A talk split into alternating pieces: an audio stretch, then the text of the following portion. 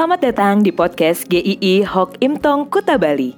Penginjil Ray Reginaldi akan membagikan renungan harian singkat untuk membawa Anda mengenal dan menyembah Tuhan Yesus, bertumbuh dan menjadi murid Kristus, serta berdampak untuk banyak orang.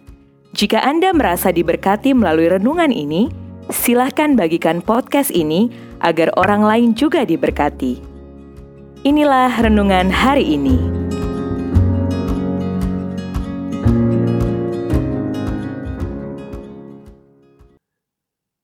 Di antara memori menyakitkan dan memori membahagiakan. Filemon 1 Ketika seseorang pernah dikecewakan oleh orang lain, tidaklah mudah untuk menerima kembali dan merekonsiliasi hubungan yang penuh luka itu. Ada orang yang ketika mengingat hal yang menyakitkan yang telah dilakukan seseorang kepadanya, dadanya langsung terasa sakit, hatinya gelisah dan tidak tenang. Memori tentang kekecewaan itu tidak bisa dihapus begitu saja. Tetapi apakah dengan begitu menjadi mustahil untuk mengampuni dan menerima kembali? Filemon 1 adalah surat dari Rasul Paulus kepada Filemon yang meminta kepadanya untuk menerima kembali seseorang yang bernama Onesimus Tampaknya hubungan keduanya tidak harmonis. Filemon pernah dikecewakan oleh Onesimus yang dulu bekerja padanya, mungkin sebagai budak.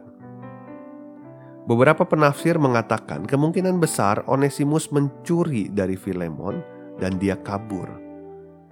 Entah apa yang dicurinya, tetapi itu membuat Filemon sangat-sangat kecewa. Untuk meyakinkan Filemon, Paulus memaparkan bagaimana pribadi Onesimus yang sekarang sudah diubahkan. Di ayat 11 dikatakan, "Dahulu dia memang tidak berguna bagimu, tetapi sekarang dia sangat berguna, baik bagimu maupun bagiku." Malahan Paulus menyebutkan dengan sebutan anakku di ayat 10, buah hatiku di ayat 12. Singkatnya adalah Onesimus adalah pribadi yang pernah gagal yang di dalam bayangan Filemon juga ini orang yang dicap gagal. Namun dia sudah dirubah oleh Tuhan. Lebih daripada itu, Paulus melihat peristiwa ini dalam kerangka rancangan Tuhan yang lebih besar. Di ayat 15, Sebab mungkin karena itulah dia dipisahkan sejenak daripadamu, supaya engkau dapat menerimanya kembali. Ada dua hal besar yang Rasul Paulus minta dari Filemon. Pertama, menerima kembali Onesimus, yang berarti di dalam penerimaan itu ada pengampunan. Kedua, bukan sekedar menerima, tetapi menerimanya sebagai saudara, bukan lagi sebagai budak. C.S. Lewis pernah berkata, "Semua orang mengatakan bahwa mengampuni adalah ide yang indah, sampai mereka harus memberikan pengampunan itu sendiri. Pasti ini tidak mudah untuk Filemon, tetapi bukan berarti tidak bisa. Karena Paulus pun mengenal Filemon sebagai pribadi yang penuh kasih. Terlebih, Filemon adalah anak Tuhan yang sudah mengalami pengampunan dari Tuhan, yang mengerti betapa Tuhan mengasihinya Mengampuni bukan berarti kita melupakan. Memori itu tetap ada. Memori antara yang menyakitkan dan yang membahagiakan ada di sana. Tetapi kita mempunyai memori yang terindah di dalam hidup ini yang membuat kita bisa menghadapi memori yang paling menyakitkan Memori terindah itu adalah ketika kita diterima kembali oleh Allah karena pengorbanan Kristus di kayu salib yang menebus dosa kita. Kita menjadi orang yang sungguh-sungguh diampuni oleh Tuhan.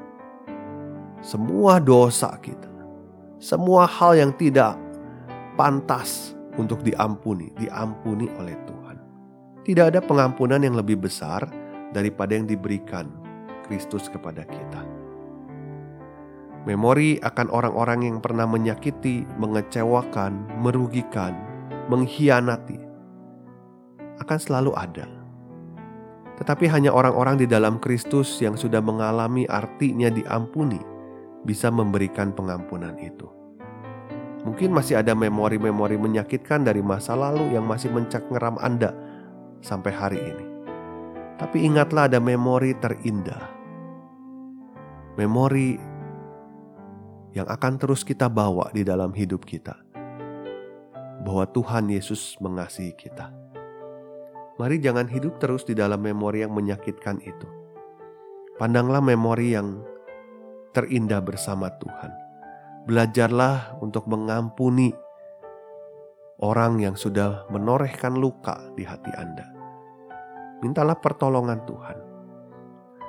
Memberikan pengampunan jauh lebih indah dan membahagiakan daripada memendam kebencian yang membusukkan hidup kita. Amin.